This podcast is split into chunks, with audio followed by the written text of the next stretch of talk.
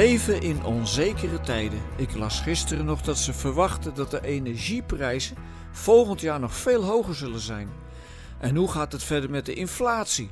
Of komt er dit jaar vrede tussen Oekraïne en Rusland? Nou, ik zie het nog niet gebeuren. Maar in dit soort tijden is het altijd fijn als je een appeltje voor de dorst hebt. Of een achterdeurtje, zoals we dat zo vaak noemen.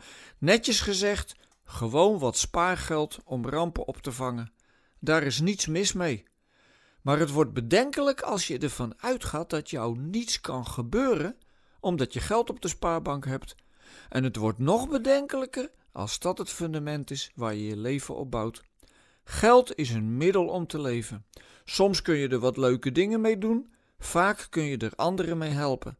Maar wanneer het leven gaat om zoveel mogelijk geld verdienen, ben je net zo kortzichtig bezig als die meneer in de gelijkenis die Jezus vertelt in Lucas 12, vers 13 tot 21.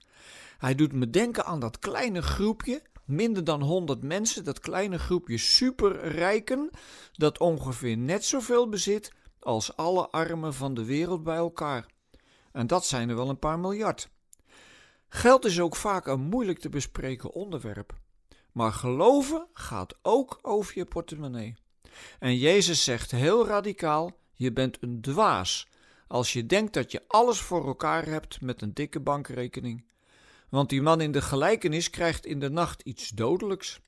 En dat kan zijn geld niet goed maken. De internationale baas van World Vision heeft wel eens uitgezocht hoe dik de Bijbel nog is als je alle teksten over rijkdom en armoede eruit had. Nou, dan blijft er nog geen pocketboekje over. Wie zijn leven bouwt op zijn geld, is maar arm. Wanneer ben je nu rijker? Als je kapitalen bezit of als je heel veel liefde ontvangt en geeft? En dan bedoel ik natuurlijk niet die vrienden die je hebt als je veel geld en succes hebt, maar die vrienden die je ook trouw blijven als je alles kwijt bent. Dat zijn er vaak aanzienlijk minder. Nu hoeven we materiële en geestelijke rijkdom niet tegen elkaar uit te spelen, want ik ken ook genoeg lieve mensen die dat heel goed combineren, die hun verantwoordelijkheid weten en nemen omdat ze toevallig wat meer bezit hebben dan anderen. Dat zijn mensen met sterke schouders, omdat je die moet hebben om de wilde te dragen. Of moeten we het anders zeggen? Het zijn mensen die begrepen hebben waar het Jezus om gaat, dat je leven niet tot je bezit hoort. Dat zegt Jezus in de gelijkenis.